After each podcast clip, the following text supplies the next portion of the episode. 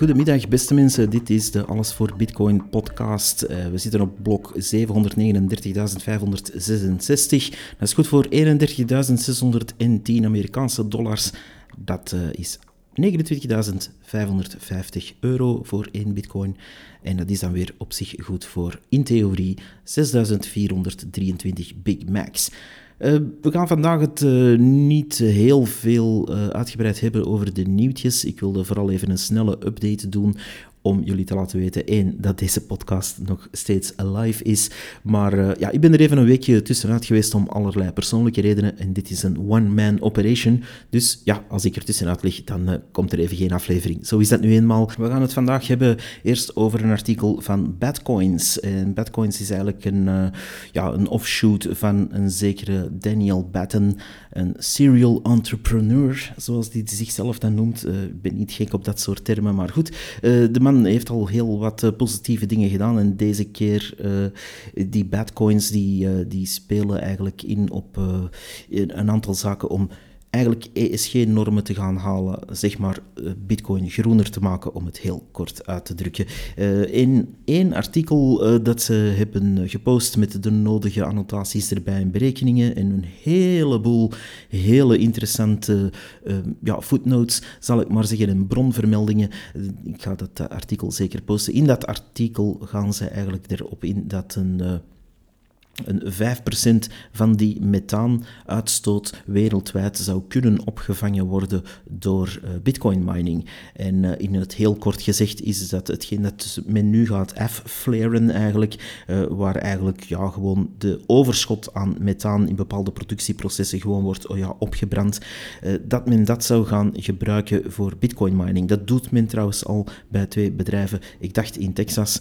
En dat proces zou men dus verder gaan, gaan ontwikkelen om uh, Bitcoin verder te gaan gebruiken daarvoor, om puur die overschot aan methaan uh, te gaan gebruiken. Nu, uh, de cijfers die daarbij hoorden waren wel spectaculair.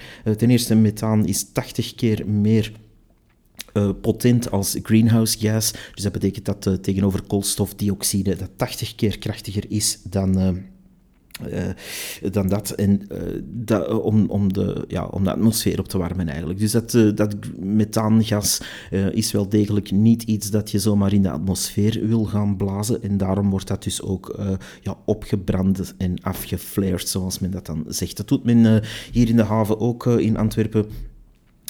En daar, ja, daar wordt regelmatig dan gewacht van gemaakt. Nu, dat is eigenlijk verloren energie, want die, die methaangassen kunnen wel degelijk gebruikt worden. En er zijn dus nu processen op touw gezet om daar Bitcoin mining tussen te steken.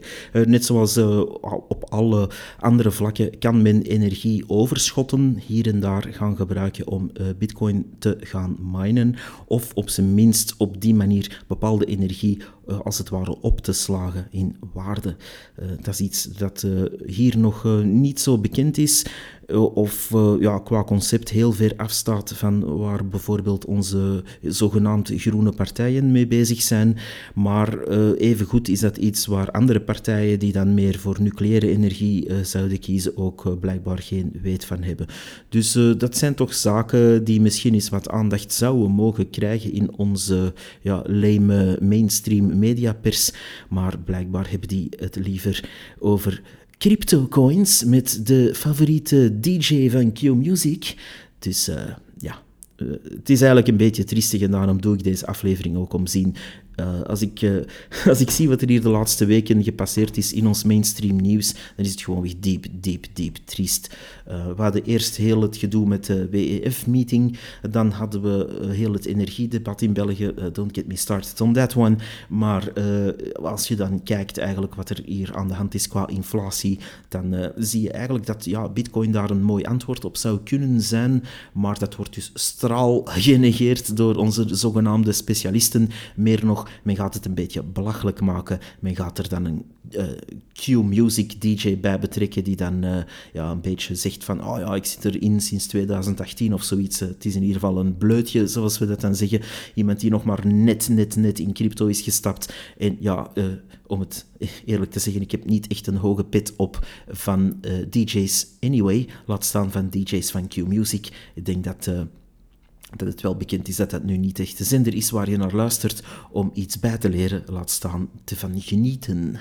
Um, maar goed, uh, ik vind het uh, ronduit uh, schabouwelijk slecht van onze media dat men dat soort figuren durft bovenhalen en, en daar dan eigenlijk zegt van, oh kijk, we gaan crypto nog eens wat belachelijk maken. Want voor hen is die term allemaal hetzelfde. Men gooit bitcoin samen met al de andere uh, coins die er zijn op één hoopje, om het zo eigenlijk ja, uh, guilty by association te maken. En dat is natuurlijk een befaamde truc. Je gooit iets dat eigenlijk echt je vijand is, samen met een hoop dingen die uh, toch al clownesk zijn of toch al door de meerderheid slecht worden bevonden.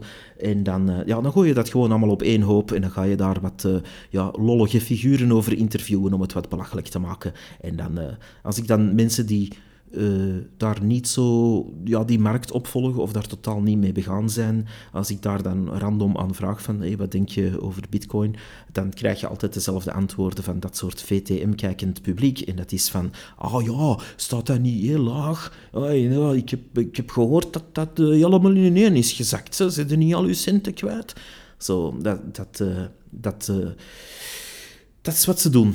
Dus uh, er is nog veel educatie nodig, er is vooral heel veel informatie nodig en dat gaat echt niet komen van de morgen, de tijd, de standaard, de, het laatste nieuws. Ja, is dat eigenlijk nog een krant? Uh, als je dat open doet, is gewoon belachelijk. Maar goed, uh, ik zie aan de andere kant wel, om toch even iets positiefs te zeggen, dat vele mensen beginnen inzien dat ze toch al ja, een stuk of tien jaar belogen worden daarover. Want als je natuurlijk elke, elke keer wanneer de prijs van is gedipt de afgelopen ja, 13 jaar eigenlijk, uh, maar zeker de afgelopen 6, 7 jaar, uh, dan uh, krijg je te horen, het is kapot, het is dood, het is gedaan, oh, we gaan die mannen wat uitlachen.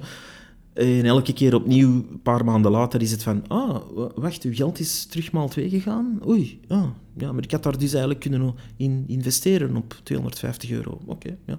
Dus uh, stilaan zijn er toch wel mensen die dat beseffen. Van, ah, kijk, als iemand steeds zegt dat iets slecht is, maar uiteindelijk uh, ja, zien we nu met ons fiatgeld dat we elke maand een, een x-aantal procenten aan koopkracht verliezen.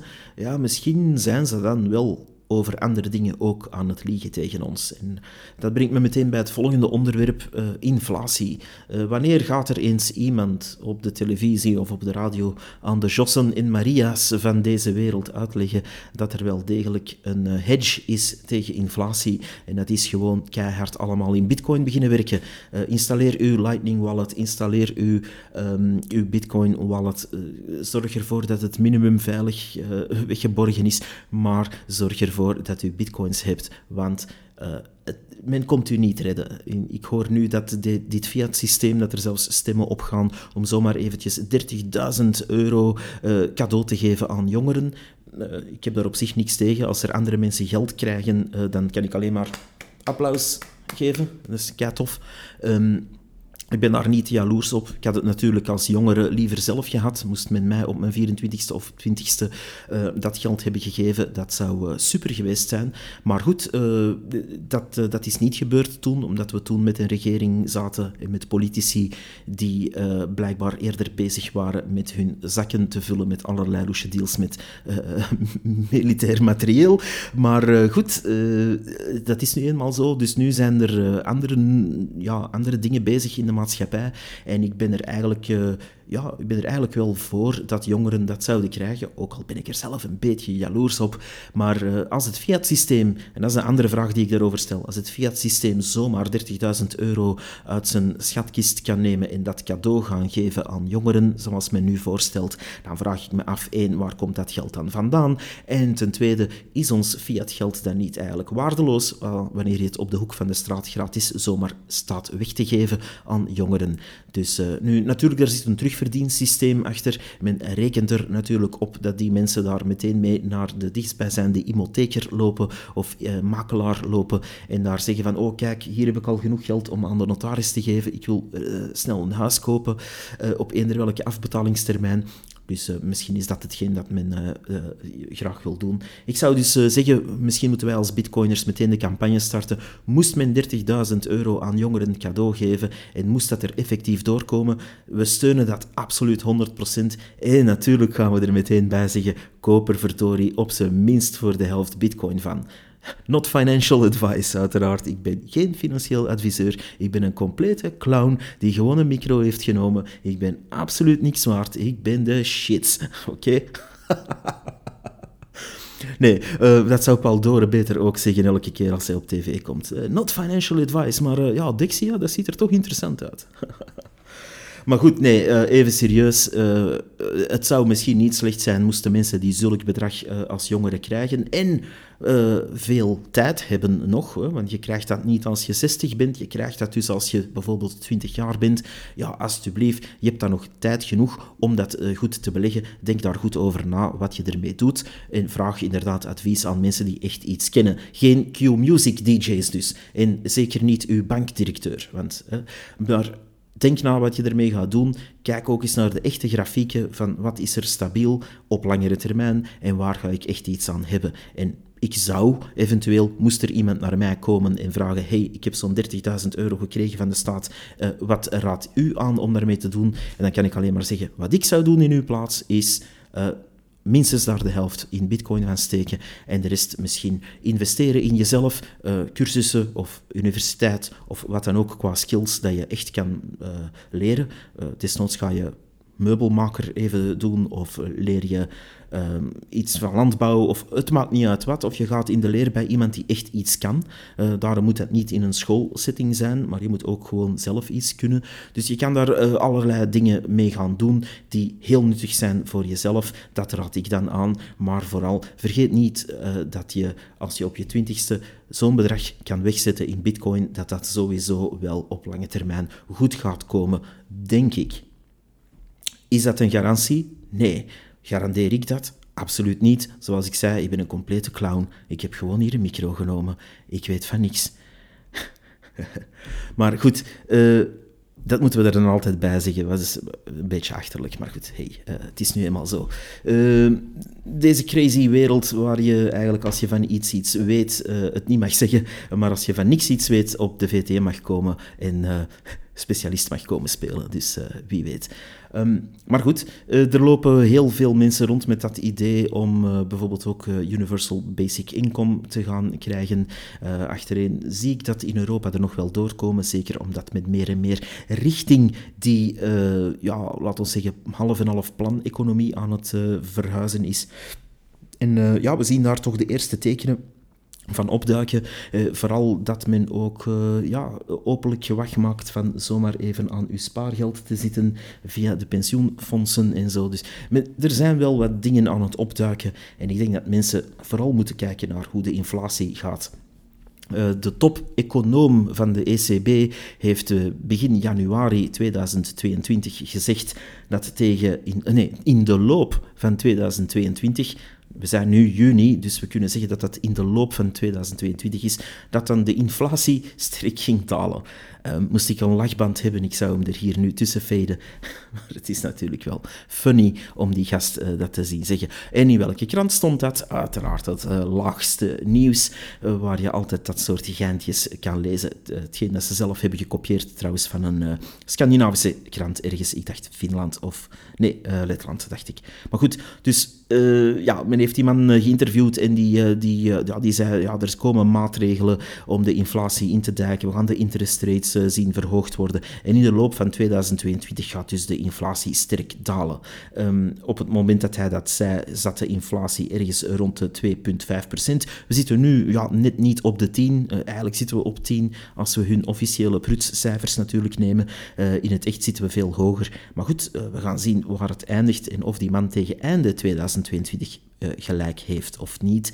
Uh, hij heeft nog zes maanden om zijn ding te laten uitkomen. Ik ben zeer, zeer, zeer benieuwd.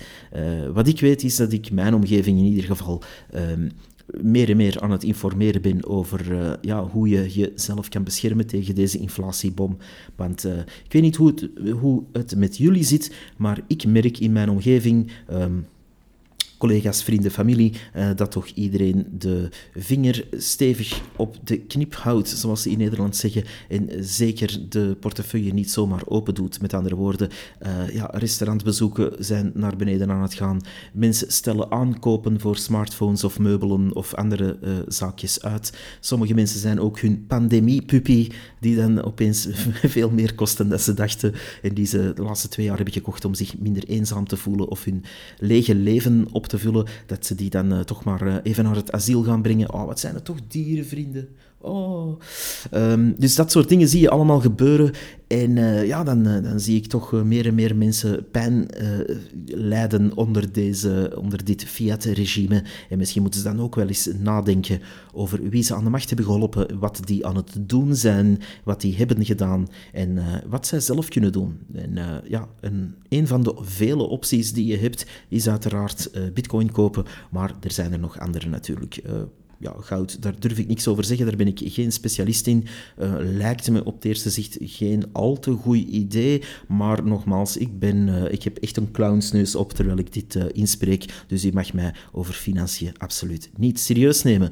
Um, maar nee, van goud ken ik niet genoeg om er iets nuttigs over te zeggen. Dat laat ik over aan de specialisten op dat gebied dan weer. Misschien is er wel een Alles voor Gold podcast, I don't know. maar in ieder geval, dat is wat ik kan aanraden. de mensen die zweren bij vastgoed, uh, ja, ik zou zeggen, doe uw ding daar. Daar ken ik eigenlijk ook de blaas van. Dat lijkt me allemaal veel uh, te ingewikkeld en veel te afhankelijk van wat de staat beslist om te doen met uw buurt. soms koop je iets en dan, dat is wat ik toch merk bij mijn omgeving. Mensen die dan iets kopen en dan eigenlijk een paar jaar later denken, oei, de buurt evolueert niet in de richting dat ik dacht dat ze ging evolueren. maar goed, dat daar zal ook wel uh, het een en ander van voorkennis meespelen, vermoed ik dan weer. Zo heeft elke markt wel zijn uh, eigenheid. In ieder geval, dit was hem voor vandaag. Een kleine, snelle update. Um, er komen meer serieuze en grotere afleveringen. Ik had uh, ook een aantal interviews voorzien, maar om zeer diverse redenen zijn die al allemaal in het water gevallen. Uh, met echte bitcoiners praten is uh, minder makkelijk dan ik op het eerste zicht dacht. Maar goed, de, we bijten door, we proberen het nogmaals. Maar goed, het is niet altijd de mensen hun fout natuurlijk. Soms gebeuren er gewoon dingen die ja, die het eh, onmogelijk maken om het interview door te laten gaan. In ieder geval, uh, ik zou zeggen, dank u voor het luisteren. Stay tuned, want er komt nog veel aan. We zijn op de achtergrond bezig met een aantal leuke zaken. En we gaan in ieder geval uh, proberen terug de nieuwtjes wat bij te houden en uh, jullie op de hoogte te houden van de nodige Bitcoin stuff.